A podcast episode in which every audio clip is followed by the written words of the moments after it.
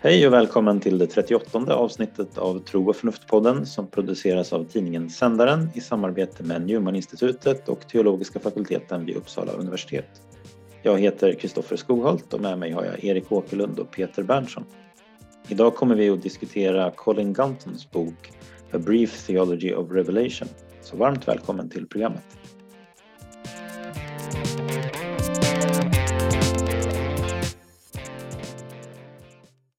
Den kristna tron är centrerad kring ett anspråk på att Gud har gett sig till känna eller uppenbarat sig. Men vad är egentligen uppenbarelse? I sin bok A Brief Theology of Revelation försöker Colin Gunton presentera en kristen syn på uppenbarelse som både tar hänsyn till att uppenbarelsen ytterst sett härstammar från Gud men traderas, tolkas och medieras genom den kristna gemenskapen och måste uttryckas på ett språk som människor förstår. Uppenbarelsens syfte är enligt Ganton i slutändan att föra människor in i treenighetens inre liv. Även om Ganton i första hand reflekterar inom teologiskt finns också vissa filosofiska utblickar. En sådan är att all kunskap, enligt Ganton, har en slags strukturlikhet med den teologiska uppenbarelsen. För att få kunskap om något måste vi lyssna till det som är utanför oss själva det är bara om världen så att säga delar med sig av sig själv som vi kan få kunskap om den. All sanning är därför frukten av en slags uppenbarelse, säger Ganton, även om det inte behöver vara en religiös uppenbarelse. Innan världen kan uppenbara något om Gud måste den uppenbara sig själv. Och precis som den gudomliga så måste också skapelsens uppenbarelse tolkas. I dagens samtal tar vi vår utgångspunkt i Gantons bok och försöker reflektera kring det stora och spännande ämnet som uppenbarelse utgör. Men innan vi går in och diskuterar Gantons bok så kan vi ju berätta lite grann om vad som har hänt sen sist. Eh, ja, jag sitter hemma idag. Jag har, har haft en välbehövlig helg efter påsken som ju tenderar att vara en fantastisk tid eh, när Kristus har uppstått, men prästen eh, eh känner sig dödare än någonsin. Eh, så, du är ingen det, in persona Kristi? Nej, inte just eh, när man kommer hem efter eh, påsknattsmässan så känns det inte riktigt så, även om man kan vara uppfylld på andra sätt. Precis. Uh, ja, Erik, hur är läget med dig? Tack. Just nu har jag lite såna här förkylningssymptom så jag sitter i, i lite karantän hemma och väntar på, på provsvar här. Eh, så jag ber om ursäkt innan också om jag harklar lite i bakgrunden och sånt där. Jag vill inte ha frågan eller ordet varje gång jag gör det. Nej, eh, Men nej, annars övergripande är det väl eh, bra även om man tröttnar på det här att ha alla möten och allting på nätet. Jag ställde just om en konferens i maj här från eh, slutet av maj från att den kanske kunde gått åtminstone delvis lite fysiskt till att eh, gå via, via nätet. Det. Eh, det. har ju sina fördelar också men, eh, men eh, jag längtar verkligen efter att eh, träffa människor. Mm. Mm. Jo, jag börjar få lite sådana här vibbar som jag hade när jag var masterstudent. För då, när man är masterstudent i humaniora inklusive religionsfilosofi så har man ju inte så mycket lektioner och man eh, träffar inte så många människor. Man sitter där ensam med sin bok och har någon slags kosmiska frågeställningar som man vara med men man har liksom ingen sån social kontext. Liksom. Mm. Den enda kontexten man har det är kosmos mm. eh, och Gud. Så. Men, eh, men eh, så jag, nu har jag, och det har jag inte känt som doktorand så för då, då har man ju liksom en, en arbetsplats och rum och så här. Ja, men precis. Och undervisar ibland och sådana där saker. Men nu har det ju varit, eh, ja, nu på slutet har jag faktiskt känt lite, lite sådär också. Men eh, alltså att det blir eh, lite för att den enda kontext man har är en slags abstrakt kontext. Mm. så. Men, mm. nej, men precis. Men jag tycker det är skönt att det börjar bli lite varmare. Man kan vara ute lite mer sådär. Mina föräldrar har fått sin första, eller min mamma och hennes man har fått sin första vaccinspruta och sådär så att mm. det börjar ju röra på sig i alla mm. fall. Mm. Ja. Men vi hade ju ett Clubhouse-samtal också sen sist. Mm. Eh, det var väldigt precis. trevligt tycker jag. Ja, det var väl på Robert Tjernbergs initiativ då, sändarens mm. chefredaktör. Inte budbärarens som jag råkade säga, fast jag rättade mig ju själv på en gång. Men, och Robert eh, rättade dig också precis, vad jag minns. Exakt, exakt. Han kommer aldrig att glömma det. nej, då, nej, men jag tyckte det blev lyckat. Eh, mm. Det var faktiskt väldigt kul och eh, jag tänker att vi får ha fler sådana. Det är ju ett ganska enkelt sätt att mm. få en dialog med lyssnarna och sådär. Jag hoppas bara det kommer en Android-version någon gång snart så att jag inte behöver låna en Apple-produkt varje gång jag ska delta. Men det är, ett det är verkligen en fantastisk app, eh, möjlighet att möta mötas ja. ganska, opretentiöst eh, för samtal. Det känns som eh, stämningen på Clubhouse är, ja det finns absolut pretentiösa människor men det finns ändå någon slags eh, eh det är en utjämning mellan, mellan vad ska vi säga, den som talar och den som lyssnar. Mm. Och sen är det ju också att alltså formatet är inte riktigt lika inbjudande till de här Eh, liksom konflikterna som blir väldigt mycket på mm. Twitter. För att folk får mm. prata och man hör vad heter det, tonläget och sådär och sen så kan man liksom inte ta det någon säger och plocka det ur dess kontext och sen rasa mot det. Så att säga. Mm. Och det, mm. så det, själva formatet är ju mer, liksom, mer inbjudande till samtal. Liksom. Mm. Ja, väldigt många bra frågor och inlägg från, från mm. våra lyssnare. Ja, Precis. Jag tänker att jag, bara en reflektion. Jag, jag, tycker att det är väldigt välbehövligt i vår tid. Jag har sett precis. Jag har fortsatt på mitt konspirationsspår här och sett på HBOs sexdelade eh, serie om Qanon då och där pratar de just om liksom internet och anonymous och hur det kom ur den här anonyma internetkulturen som är liksom ansiktslös och textbaserad och liksom det, alltså, det. 4chan och 8chan som då Q kom ur är ju verkligen för mig sinnesbilden av helvetet. Liksom bara bara liksom åsikter och det här mm. abstrakta universet, men, men liksom ansiktslöst och ingen röst. Liksom. Ja, det. Och det, är, det är något väldigt talande att det är ur en mm. sån eh, teknologi som det, mm. som det riktigt spårar ur mm. i vår tid. Det är lite um så att säga, antitesen till inkarnation om man vill vara lite teologisk, mm. mm. teologiskt pretentiös. Men, eh, men att det ligger väl någonting i det just att människor reduceras så att säga, till sina åsikter också. Mm. Eh, ja, precis. Ska vi eh, säga någonting om Colin Gunton kanske? Ja. Mm.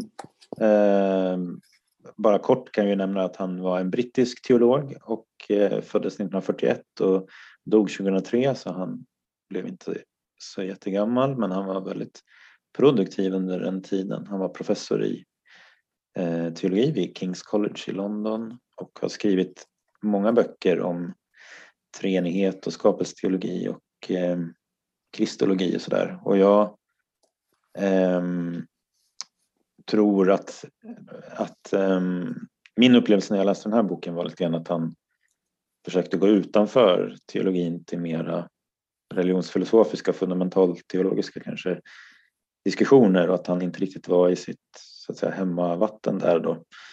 Eh, och tror att han, jag, jag, skulle gärna läsa en del annat av honom men jag tror inte att det här är kanske allra mest spännande som han har skrivit men det är en bra grund för ett samtal om uppenbarelse. Så att säga. Även om vi inte kanske i alla stycken håller med honom. Så att säga. på, vilket sätt, på mm. vilket sätt är en fundamental teologi någonting annat än teologi i vanlig mening? Eh, ja, man brukar säga att fundamental teologi är en slags hjälpvetenskap till systematisk teologi och diskutera de här metafrågorna som uppkommer. Mm. Som till exempel hur kan vi veta att Gud har uppenbarat sig och sådär. Och mm. använder filosofins verktyg i hög grad för att bearbeta de frågorna. Mm. Och där tycker jag det märks att han är systematisk teolog och mm. försöker besvara den typen av frågor. Och det går inte riktigt. Eh, och därför blir han som bäst när han är systematisk teolog, vilket han ju är ibland i den här boken. Eh, den... Så, så, han kan resa frågorna men han kan liksom inte besvara dem riktigt. Mm. Mm.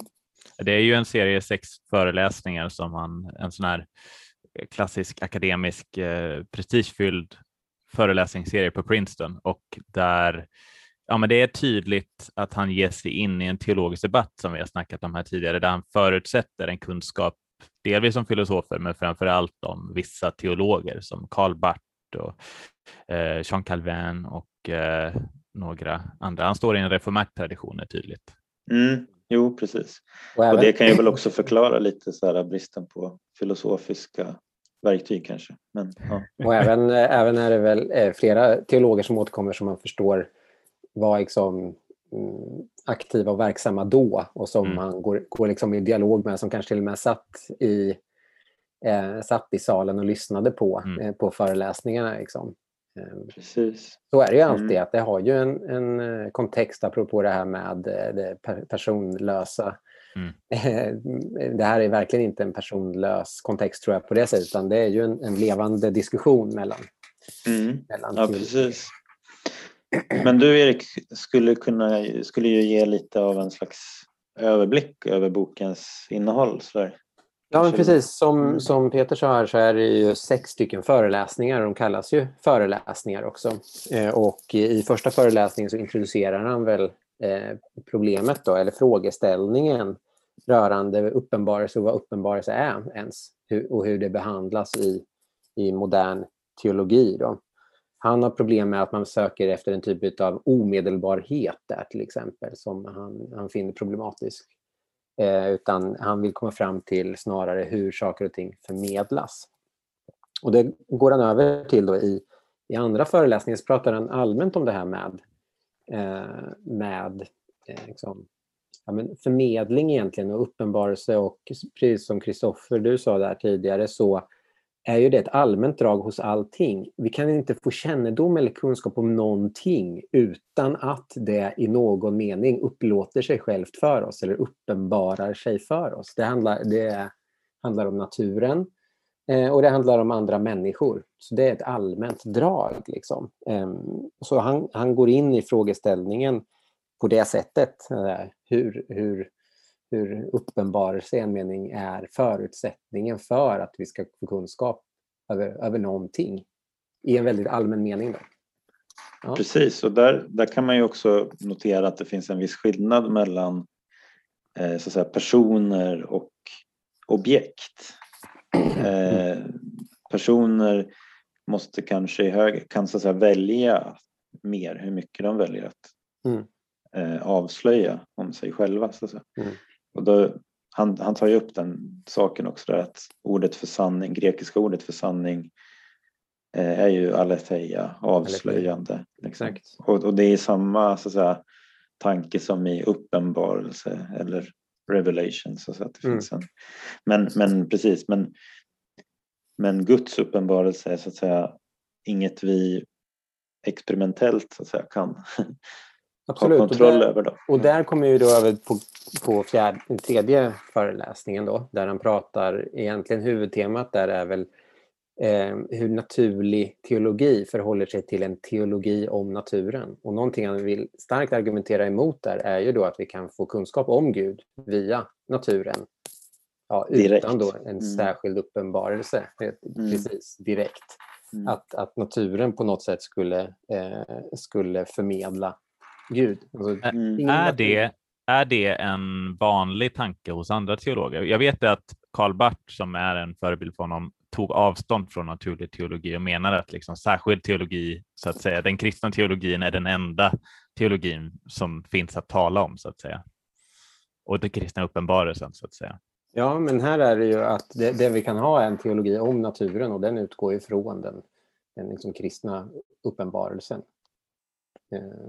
Eh, men finns det, liksom en, finns det en polemik här mot någon annan? Finns det en stark annan tradition av att tala om att, vi, att skapelsen förkunnar Guds härlighet, att skapelsen i sig talar till oss liksom oberoende? Absolut, den. och den utgår ju bland annat från där, eh, första kapitlet av Romarbrevet som man mm. också tar upp om hur skapelsen talar om Gud och så vidare. Mm. Det finns andra bibelställen också. Eh, det finns ju en sån eh, tradition av, av naturlig teologi att man, att man sluter sig till någonting utav att eh, det finns någonting sånt som en yttersta grund eller en yttersta verklighet utifrån. Jag läste McCraft som vi läste för något, ett par år sedan. Han har ju lite samma ingång där som Ganton. Att Men jag... vi ska ha en teologi om naturen, ja. Att, ja, precis. Även om han ju vill... Det, det Alistair McGrath säger är ju egentligen att när man tittar på naturen med teologiska begrepp så visar det sig att det är en fruktbar och belysande mm. läsning. Och det talar så att säga, det, det, talar så att säga för den kristna teologins, till den mm. kristna teologins fördel. Då. Mm. Så att han använder det som en slags naturlig teologi men inte, inte så att säga då, den är, den är så att säga mer hermeneutisk än deduktiv. Mm. Men, men eh, jag tänkte när jag läste det här att den naturliga teologin hos, hos Thomas av Aquino, så som jag förstår den, den är ju ganska, den är ju så att säga, den ger en ganska tunn så att säga ändå bild mm. av Gud. Den talar och säger att naturen är kontingent och behöver en grund utanför sig själv mm. i en nödvändigt existerande eh, varelse så att säga, som är intelligent mm. eh, och sådär. Men det är ju en form av naturlig teologi. Men sen så uppfattar jag att det Ganton säger är att vi förstår egentligen inte den här världen fullt ut om vi inte läser den teologiskt. Och de teologiska begreppen med vars hjälp vi läser världen de hämtar vi inte från naturen utan de hämtar vi från den särskilda uppenbarelsen. Men för mig finns det egentligen ingen konflikt mellan de två betoningarna. De kan liksom mm. komplettera varandra. Mm. Eh, men det tror jag inte Ganton skulle vilja säga. Nej, Bart verkar ju definitivt inte vilja säga det men, men, eh, men eh, jag, jag tänker mig att, mm. att det så att säga ändå är olika projekt så att säga. Ganton har en ganska lång utläggning om hur, hur han tycker att den kristna teologin förföll genom den här tanken på lika känner lika. Att, att det skulle finnas någon form av analog då kunskap om Gud utifrån, utifrån tingen och världen. Och hur man återkom till en mer genuin tradition med Don Scotus på 1200-1300-talet och sen framförallt med Calvin eh, på 1500-talet. Eh, så jag tycker att han, är, eh, han själv i alla fall är ganska tyd, tydlig. Ja, men absolut. Men, men, men om man, alltså, om man läser Alice McGrath till exempel, jag, jag, mm. jag, ser liksom ingen, ingen oförenlighet med den. In, jag tycker att det finns något valid, så att säga, eller något mm. giltigt mm. i, i McGraths resonemang. Men jag ser mm. inga problem med att kombinera Nej, det. det. finns inga, jag kan inte heller se några problem. Det, och det, det är ju eh, inga problem att, att ha den synen förstås att den så att säga, särskilda uppenbarelsen, eller den kristna uppenbarelsen, uppenbarelsen från och genom Kristus, skänker ljus över förståelsen av skapelsen i stort. För att man har den här omvända Nej. tanken också, att, att kan komma fram till någonting sådant som mm. någon yttersta grund genom naturen. Jag har en fundering. Alltså, I boken så nämner han ju eh, den här Barmen-deklarationen som ett exempel på eh, bekännelserna som han eh, kan det ha att göra med varför, alltså Bart var ju, tillhörde ju bekännelsekyrkan och var en av de som deltog i Barmen-deklarationen. Finns det i avståndstagandet från naturlig teologi en kritik av typ nazistisk teologi? Alltså exempelvis att man tänker att, upp, att det finns en naturlag med, som leder till social darwinism och de starkas. Alltså att det finns här, det var väl, om jag förstått saken rätt med Bart, så var det en drivande faktor till varför han så starkt betonade den särskilda uppenbarelsen för att han ansåg att det var liksom någon slags allmän religiös eh, allmän uppenbarelse som, som då legitimerade ett maktövertagande från eh, jag, nazisterna. Mm, jag, jag, tror han har ju använt, använt den typen av argumentationsstrategi i alla fall. Så att mm, säga. Men, men som jag förstått det så blev han väl ganska omskakad eh, redan av, under första världskriget av tyska teologer, liberalteologer som så säga, försvarade Tysklands inträde i, i första världskriget. Och så där. så att, att eh, det är nog äldre som jag har förstått det. Men eh, Mm. Men jag har också, alltså det finns ju lite klipp med honom på Youtube och sådär när han liksom gör just den där kopplingen. Liksom. Ja. Men då, då har man, om man, vi kanske, nu blev det en lång utvikning från eh, Eriks eh, synopsis här, men kort så tänker jag mig att det är så att säga, det är den här lite problematiska argumentationsstrategin att vi har två alternativ här. Antingen har vi nihilism, everything goes, eh, eller så har vi eh, kristen teologi. Alltså det är, det är ju den argumentationsstrategin i princip. Eller Alltså- nazism i det här fallet. Ja, men om du har, om du har nihilism, anything goes, då är ju Ja. det, det är så att säga förutsättningen för att du kan hamna i, i nazism så att säga. Mm. Eh, medans eh, ett mer katolskt synsätt skulle ju vara att du på filosofiska grunder kan kritisera nazismen. Det behöver inte, Mm. även om du kan göra det så att säga ännu starkare med kristen teologi så, så är det liksom inte så att det är dit du, det är inte där du hamnar. Säga. Eh, om du inte, alltså så här. Men det, Ja. ja, Nej, men det var bara, Mm. jag ber om ursäkt, poletten trillade bara ner nu varför det här var så viktigt för troligen även Ganten, att det finns där, det är därför han ser en fara med naturlig teologi. Sen kan vi kritisera den argumentationen. Jo, men sen så ska man kanske komma ihåg liksom, om du drar liksom, parallellerna bakåt och det var väl du som eh, citerade Luthers påstående om förnuftet som djävulens hora och så vidare. Ja, precis. Så att det finns ju Det någonting i traditionen som man sen, sen kan Absolut. så det där är lite svårt att veta vad som är en Absolut. rationalisering och sådär. Mm. Men, eh, men det, med det sagt så kan det ju ändå finnas, ja precis. Mm. Ja, åter till dig Erik, eh, de sista tre föredragen. Ja, just det. Precis. Tack. Eh, jag ska bara, eh, de- så de första var ju lite introduktion. Sen då ser jag som den här diskussionen om naturlig teologi kontra teologi om naturen som en sorts eh, brytpunkt där han sen går in på just frågan om då den särskilda uppenbarelsen som man ibland pratar om via dels Bibel som eh, fjärde föreläsningen handlar om. Och där kommer frågan om det här med historisk kritisk metod och betydelsen av det som står där eh, upp, hur vi, hur vi får del av det och bokstav och ande och sånt där. Han bearbetar inte det så mycket dock, det här med Nej, historisk upp- kritisk metod. Men, Nej, han tar, tar Ja. väl upp det liksom. Ja. och sen konstaterar också att det ju egentligen är liksom Kristus som förmedlar och sen förmedlas det via Bibeln. Så just vad är det som förmedlas i vad? Då? Mm. Och sen leder det då naturligt, om man får säga det om Ganton, naturligt över till, till fråga om tradition. Eh, det vill säga hur det här sen har förmedlats i och genom historien. Eh, och där tar han bland annat upp, vilket jag tyckte var intressant, då, Newmans, eh, John Henry Newmans eh, modell för, för traditionen. Organisk modell. Eller? Precis, Mm. Newman-institutet är döpt efter eh, John Henry Newman. Eh, och eh, vänder på den lite och, och vill liksom argumentera för att eh, om vi har en organism så är det i så fall kan det behöva ansas betydligt hårdare än vad eh, Newman eh, var inne på. Så det är en intressant eh, eh, debatt. Men intressant att han tar upp eh, liksom, fråga om tradition. Men han betonar förstås att Bibeln står över eh, tradition i vikt när det gäller förmedling. Så Kristus först och sen via Bibel och sen via tradition i någon form av hierarki där. Och sen återkommer han då i, i sjätte föreläsningen till en sorts eh, avslutning och sa sammanfattning. Och en, en sån här tanke som väl har funnits med i hela boken är den här frågan om propositioner och uppenbarelse. Det finns någonting som man kallar för eh, propositionell syn på uppenbarelse, alltså att uppenbarelse består av väsentligen eh, sanna utsagor eller propositioner. Då. Och han kommer fram till en syn här där uppenbarelsen inkluderar propositioner eller sanna utsagor men inte utgörs av det.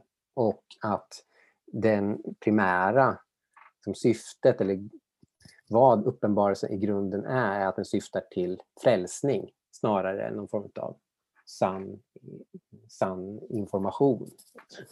Men är det inte egentligen att propositionen medierar eller kan mediera uppenbarelsen men, men det är liksom det är så att säga en beskrivning är alltid sekundär i relation till den verklighet som den försöker att beskriva. Mm. Precis. Och, och det är därför som jag tänker att han där kommer fram till att, eh, så att säga, uppenbarelsen är en funktion av Guds projekt att Mm. försona världen eller förena världen med sig själv. Så att säga. Det är därför det här att dra in i, i relation till honom. så att säga. Det är ett- ett föregripande av eh, den härlighet som ska bli fullt ut uppenbara vid tidernas slut. Liksom. Ja men precis. Så att eh, i uppenbarelsen är på något sätt en, eh, det vi kallar för uppenbarelse är liksom en, en, en, en slags teoretisk artikulation av Guds primära handlande. Mm.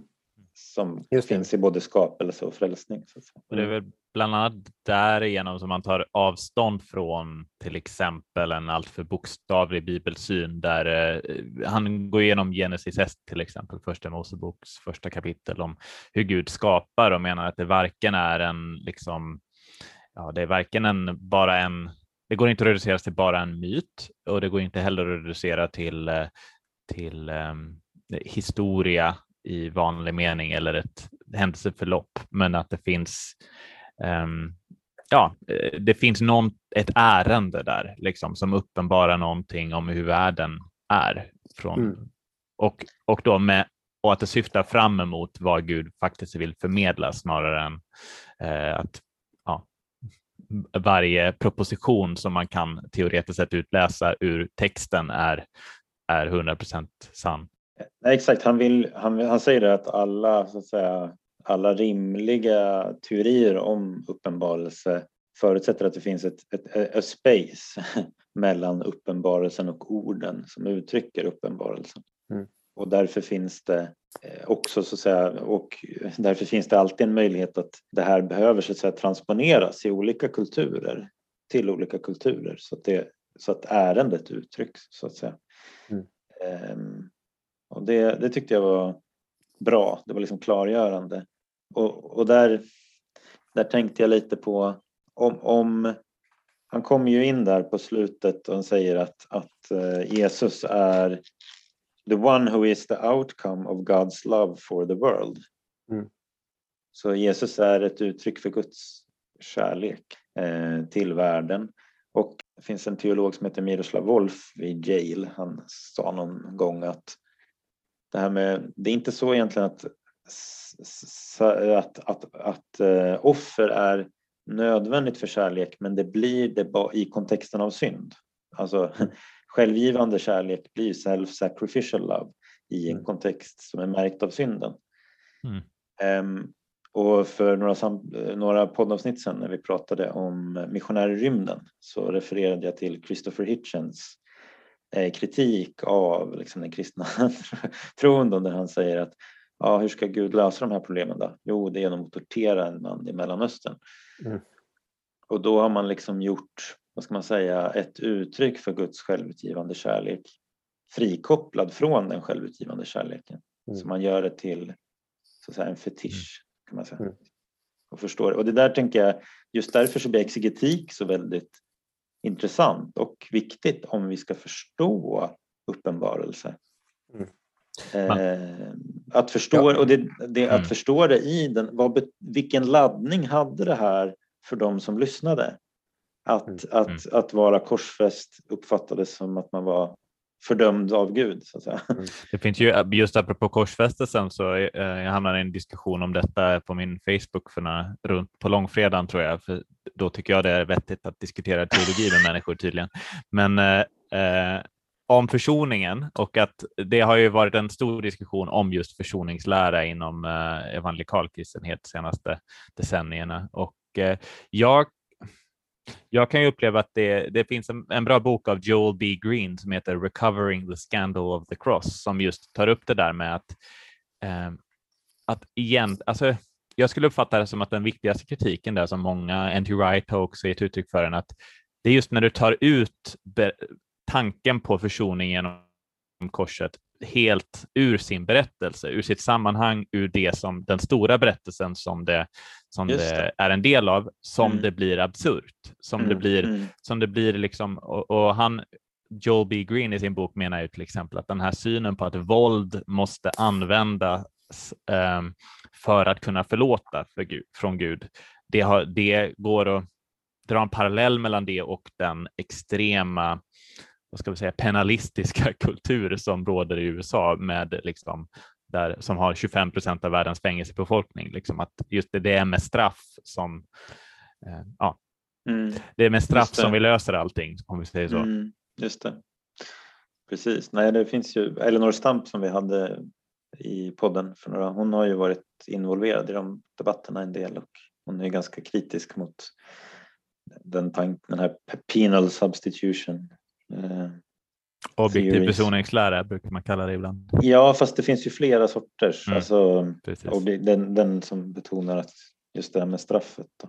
Men eh, det var för en grej jag tänkte på när, när, när hur han diskuterar eh, trosbekännelserna. För trosbekännelserna är ju, eh, alltså mycket teologi i Bibeln är ju narrativ, eller alltså mm. den kommer ju i narrativ form. Trosbekännelserna är ju mera propositionella liksom, mm. sammanfattningar så att säga. Och det är en intressant fråga hur mycket mm. vi så att säga, i våran eh, eh, undervisning eller vad man ska säga undervisar om det abstraherat från den process genom vilken mm. de första kristna började inse att Jesus var, var Gud liksom, och gudomlig. Mm. Så hur, hur, vad var deras förförståelse och hur liksom, eh, anknöt så att säga, Jesus till den? Och liksom, att, för då tror jag att man, om man mer kan se här att det finns en organisk process på något sätt så blir det... Ja, de, de trosbekännelserna utvecklas ju från början just från dopbekännelser egentligen. Vad är det som, vad är det som ja. sker här? Det finns ja. ju någon form av... Eh, ja, det, det, är en liturgisk kontext mm. egentligen, alltså en, mm. en, en, kontext av kyrkliga handlingar. Mm. I alla fall apostoliska bekännelsen, för nicenska mm. blir väl mer en heresiologisk konstruktion, ja, visst. att du vill avgränsa från heresier så att säga. Absolut, men om man pratar liksom om de tidigaste och hur de hur de utvecklas så är det ifrån. Mm. Precis, och den, men den, den, där önskan om att avgränsa också, den gör det ju, det har väl N.T. Wright tagit upp, den gör det ju också så att säga att det blir som att vi, får, vi ser på staketet när vi ser mm. inte trädgården mm. skulle, man, skulle man då kunna säga. Alltså, ja, det måste ju vi, få sin rätta plats. Ja, men exakt. Så, och, och också se att det, det, är inte de, de själva som är det viktiga, alltså uttrycken eller dogmerna själva, utan det som dogmerna pekar på. Men det mm. gäller att få, få den där balansen. Jag tror, jag tror att han, han oroar sig så att säga, för det i boken också när han pratar om den här propositionella uppenbarelseförståelsen. Då, att han vill avvisa den men inte falla in i andra diket åt andra hållet. Att då blir allting bara relativt och det finns in, inga sätt att prata om det utan försöker hitta den där mm. Balansen ändå att, mm. och den, den rätta platsen för eh, mm. propositionerna i, i förmedlandet utav mm. Nej, visst.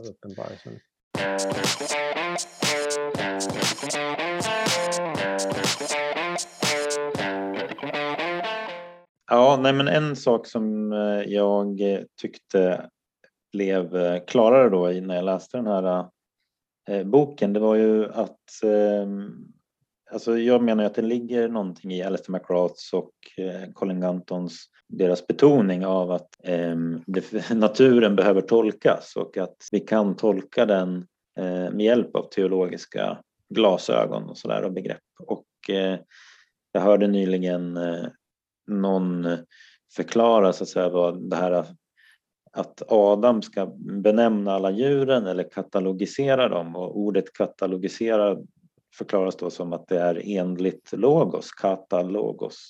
Och logos kan ju både så att säga betyda då tingens eh, väsen så att säga. Men i kristen tradition så betyder det, står det också för Kristus. Liksom. Det har vi varit inne på förut. Peter tog väl upp det med eh, Justinus martyren och att vi har de här logoi i naturen som, mm. som återspeglar logos och sådär. Och då, då slog det mig att det finns en problematik i västerlandets idéhistoria när, när man brukar ibland prata om misstänksamhetens hermeneutik om man pratar då till exempel om Marx och Freud och Nietzsche och Nietzsche som tenderar då att läsa så att säga, sociala relationer som i grunden maktrelationer och, strävan efter makt.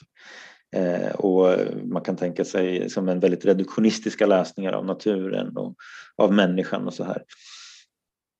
Och det där skapar, alltså ofta är det så att det ligger ett korn av sanning i de här läsningarna. Men de, när de blir helhetsförklaringar så skapar de alienation. Eh, och då har jag tänkt på det ibland, så här, vad är det som gör att vi känner den här... Ibland är det nästan som att en del tar alienationen som ett tecken på att vi är rätt ute. och då har man verkligen en misstänksamhetens hermeneutik som är liksom ännu mer fundamental än det man går in med för att läsa specifika fenomen. Eh, men jag tänker mig då att eh, det är snarare så om det finns någon slags resonans. Jag tänker mig att det inte bara handlar om att man blir så att säga smickrad eller någonting sånt utan att sanningen har någon slags eh, den kan, den kan göra ont men även när den gör ont så har den en slags befriande eh, karaktär och potential. och det där tycker jag är intressant för att det saknas tycker jag då ibland en, en eh, medvetenhet om att eh, sekulära tänkare kan vara styrda av hermeneutiska principer som de inte har hämtat från natur, naturen. Så att säga. Och här anser jag då att kristna och andra behöver bli mer, våga utmana det lite grann och vara lite kritiska. Liksom. Bara för att ta ett konkret exempel. Så, jag tyckte det är mm, intressant mm, det där med, eh, det där med, eh, men vad sa du, att, att eh, om, om vi känner alienering inför någonting så är vi rätt ute. Alltså det där var någonting, den här misstänksamheten mot det som maker sense. När vi ser, när vi känner en naturlig korrespondens i någonting, i, någonting mm. känns intuitivt rätt, att vi, vi har nästan lärt oss på något sätt att det är det som, då är vi dåligt ute. Jag, jag, det kanske är en, en lite beside the point, men jag tror det finns en likhet här. att Jag, jag har ju i min brottning med den lutherska teologin ibland fascinerats över det här begreppet korsets teologi i luthersk eh, förståelse, för då sällan det mot härlighetens teologi, Luther alltså, och eh, menar att liksom, den härlighetsteologen är de som menar att vi kan se Gud genom det som uppenbarar sig genom, liksom, och då liksom alltså framgångsteologi är en slags härlighetsteologi som tydligast då, därför att liksom genom, genom att det som är vackert och det som är skönt och det som vi har en naturlig dragning till är härlighet. Men Luther vill då ta den absoluta motsatsen, så att det är bara genom det skamliga, det, det som är icke-intuitivt så att säga, som leder oss rätt, leder oss till, till Bibelns Gud och Bibelns sanning. Och jag bara undrar om det finns, det kanske om det finns någon slags likhet där, en koppling till misstänksamhetshermeneutiken eh, i vår kultur, eller om det bara mm. beside the point. Jag vet inte, vad tror ni? Jag tror att man kan tänka det. Jag brukar tänka att Dawkins i det avseendet är klart mycket mer lutheran än en tomist i sin syn på människan, eller ja, på, alltså på naturen. Det är klart att om du betonar fallenheten väldigt starkt så så, men, men så blir det så att säga, då blir moral att gå emot naturen, inte att fullkomna naturen. Så att säga. Men, och det är väl det ena, men sen så tänker jag också, det var faktiskt en grej jag tänkte på när jag läste Ganton också, alltså att den, den delen av det lutherska där man liksom, det är det, på både framgångsteologin och den här väldigt eh, betona Guds närvaro i Guds frånvaro så att säga. Som jag ser det så blir det ju så att säga att de delar av, de sågar av ena halvan så att säga av, mm. av budskapet och då rättvisande så att säga. Det finns ju jag läste för några år sedan en eh, artikel om, om hur, de, hur, de, hur de första kristna använde uttrycket härlighet om Kristus. Då. Mm. Och eh, det är ju ett ord som används för Gud. Liksom, i, och, och just det här, men det, här kanske, det här har jag nog nämnt förut på podden tror jag, men, men just det här, det här uttrycket härlighetens herre har blivit korsfäst. Mm. Och, och Eh, att, att det hade de nog inte kommit fram till som judar utan till exempel uppståndelsen, tänker jag. Mm. Så att säga. Mm. Och uppståndelsen är väl någonstans att korset är inte riktigt hela berättelsen, så att säga. utan mm. du måste hålla ihop det, liksom, tänker jag. Men det, precis, det, kan ju, så, det är ju han inne på, Ganton också, att, att um, den här voluntaristiska förståelsen av Gud, alltså att det goda är det, rätt, det goda är gott därför att Gud vill det, så att säga, den får sedan en slags sekulariserad variant i en slags eh, individualistisk eh, voluntarism där, där ingenting, eh, ingenting som jag vill så att säga ska hämmas eller så. Så att det finns väl ofta kopplingar liksom mellan teologiska idéer och sekulära fenomen. Alltså, moderniteten och, och upplysningsparadigmet är ju väldigt mycket en uppgörelse med den naturteologin som fanns i medeltiden där liksom du kunde ana Guds härlighet och korrespondenserna mellan allting. Varje löv eh, liksom korresponderar mot någonting i makrokosmos. Liksom.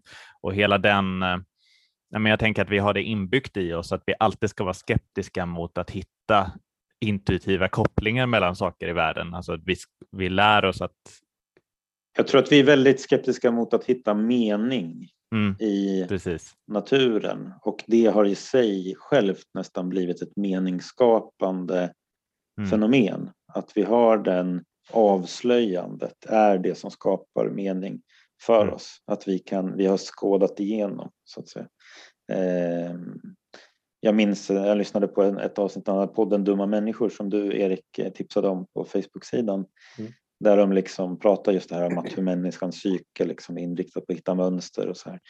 Och, och, och då är det ju så att de hittar ju ett mönster i människans tendens att hitta ett mönster så att säga och kä- känner att de läser så att säga den mänskliga naturen. Så de hittar ju ett mönster men de eh, hittar då ett mönster som eh, är att vi projicerar mönster. så. Så att man har ju fortfarande, fortfarande skapar man en begriplig värld och så vidare. Men de får man säga håller öppet sen. De drar inte liksom metafysiska slutsatser utav det. eh, de håller ju den delen. Nej, jag minns inte hur de gjorde just det avsnittet, men precis det gör, gör de säkert inte. Men, eh, För det är, väl, det är väl så man ska göra. Det fattar jag att Mm. en sån som Jung är väldigt klar över. Liksom, att Det är Mm. klart att du kan titta på människan psykologiskt och se att hon är en liksom, menings och mönstersökande varelse. Men sen de mönster som hon hittar, det är en annan fråga huruvida de har någon substantiell grund eller finns där. Eller om de, ja, eller om de inte gör det. Det är, en, annan- det är så att säga Nej. en frågeställning. Och det är ju om man sluter sig från, från liksom det ena till det andra. Jag menar, människan har väl en form av eh, psykologiskt säkert eh, förmåga att, att utveckla en förståelse av sin omvärld. Att, att det finns någonting som inte är hon väldigt tidigt. Det vill säga det är något psykologiskt att kunna föreställa sig en extern värld. Men det betyder ju inte att bara för att vi har en psykologisk förmåga att göra det så betyder ju inte det att den externa världen inte skulle finnas. Nej, nej. Det. Men det är ju eh, helt enkelt ett, ett, Mm. eh, os, ett osunt eh, argument. Mm, mm. Jag är lite tveksam till mm. din eh, historieskrivning där Peter, men vi kanske inte behöver ta upp allting varje gång. Att man skulle varit, så att säga, sett, sett mer mönster på medeltiden än vad man gjorde på 1700-1800-talet. Du har ju William Paley i början av 1800-talet som Mm. utvecklar någon form av maximalistisk eh, syn på liksom, eh, mm, ja, design i naturen och sånt där. Men, men det, det kan vi ta kanske i något annat eh, Mm. Men bara en fundering kring att jag har ibland funderat på om det är så att människors så säga, motstånd mot det här att man hittar men, mening i den objektiva verkligheten har att Mm. göra med att man upplever att ens frihet på något sätt beskärs. Om det finns mening och mönster som vi inte är orsaken till. Mm. Visst, Fichte är ju den som utvecklar det där verkligen längst. Han, han är ju idealist och menar då att det finns ingenting, finns ingenting som är oberoende av att eh, vi man säga, uppfattar det. Och han, ser det, och han ställer det just mot frihet. Vi har så att säga en absolut Aha, oändlig frihet och om Just det, finns någonting annat, eh, det. vill säga om det finns någonting annat som har en, en självständig natur och jag uppfattar det, då bestämmer ju det en del av mig. Mm. Eftersom vad jag uppfattar bestäms av det andra tinget. Just det, I am at the, the, the under Absolut. the authority of the other som han säger, Just. Gunton. Alltså att, att all kunskap är i en mening uppenbarelse. Det är ju Mm. just att, att det finns eh, en verklighet utanför mig som jag inte Mm. bestämmer Och som jag har någon form av anspråk faktiskt då också på att bestämma mig. Just Mm. delvis. Ja. Jo, situerar ju mig. Sit, situerar ju mig så att säga. Mm. Eh, exakt. Men det är ju den knepiga liksom förförståelsen här är ju att, att all typ av mening och mönster är heteronom. Alltså Mm. inte att det finns en resonans utan det alltid är liksom en vilja mot en annan vilja så att säga. Mm. Mm. Eh, Att, att liksom världen i grunden är antagonistisk och inte Mm. synergistisk så att säga. Mm. Eh, Så att det är ju en eh, Men- missuppfattning. Men innan vi avslutar nu skulle jag Mm. vilja höra lite mer, för jag vet att du hade lite mer kritiska synpunkter till boken också och så att säga, där genren med systematisk teologi och sådär. ja, Eh, Du Kristoffer eh, hade det. det. Skulle du bara kunna ja, nämna dem kort här innan vi ja. avslutar? Nej, men det är väl det att positivt han, han kanske? Precis. Nej, men han, eh, han tar ju upp ganska mycket frågor och liksom pratar om hur moderniteten har gjort oss alla till tvivlare och liksom det finns ju en, liksom, det är som att han öppnar en låda med ormar i eller vaskar Mm. i. Så här, och så bara, ja, här är de här frågorna. och sen lägger han den där lådan där och sen börjar han reflektera, tycker jag då, inom teologiskt. Mm. Och, och, det han, liksom, när han gör det i, jag tror att det var föreläsning fyra och fem då, så tyckte jag att han gjorde det liksom på ett bra och intressant sätt och sådär. Mm.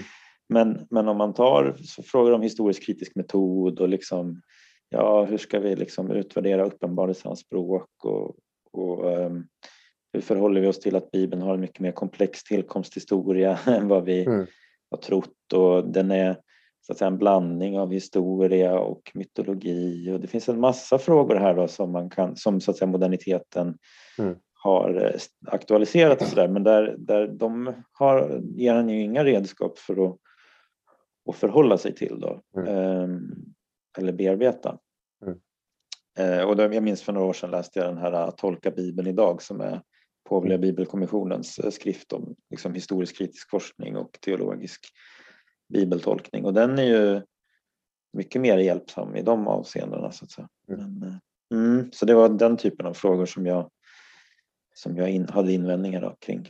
Ja, jag för min del hade lite svårt att få ihop eh, riktigt hans så att säga, tes i boken eller vissa teser han för fram och det sätt som han arbetar med dem. Eh, Eh, och det har ju bland annat att göra med den här, eh, han avvisar ju den här analogia entis, alltså att det skulle finnas någon form av analogi mellan eh, saker och ting i världen eller skapelsen å ena sidan och å andra sidan Gud då, som, som skapare.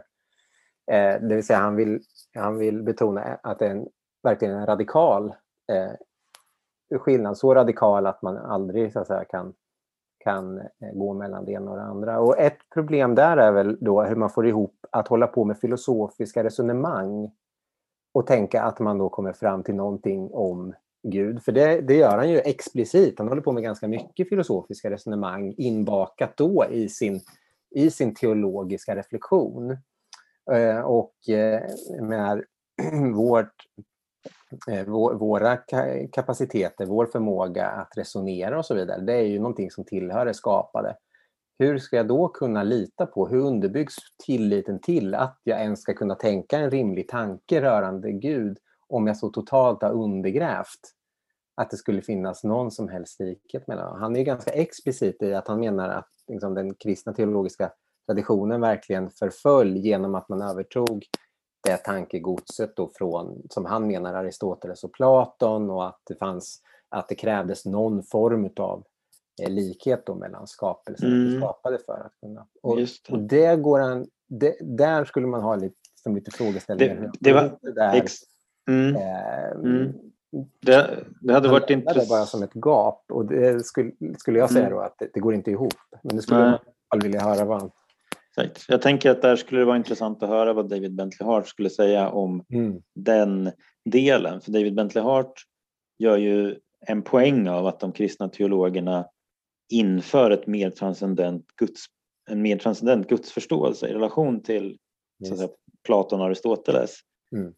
Men han, för honom innebär ju inte det att analogia entis behöver av, förkastas. Och, det, och där upplever jag att Ganton blandar ihop två olika saker.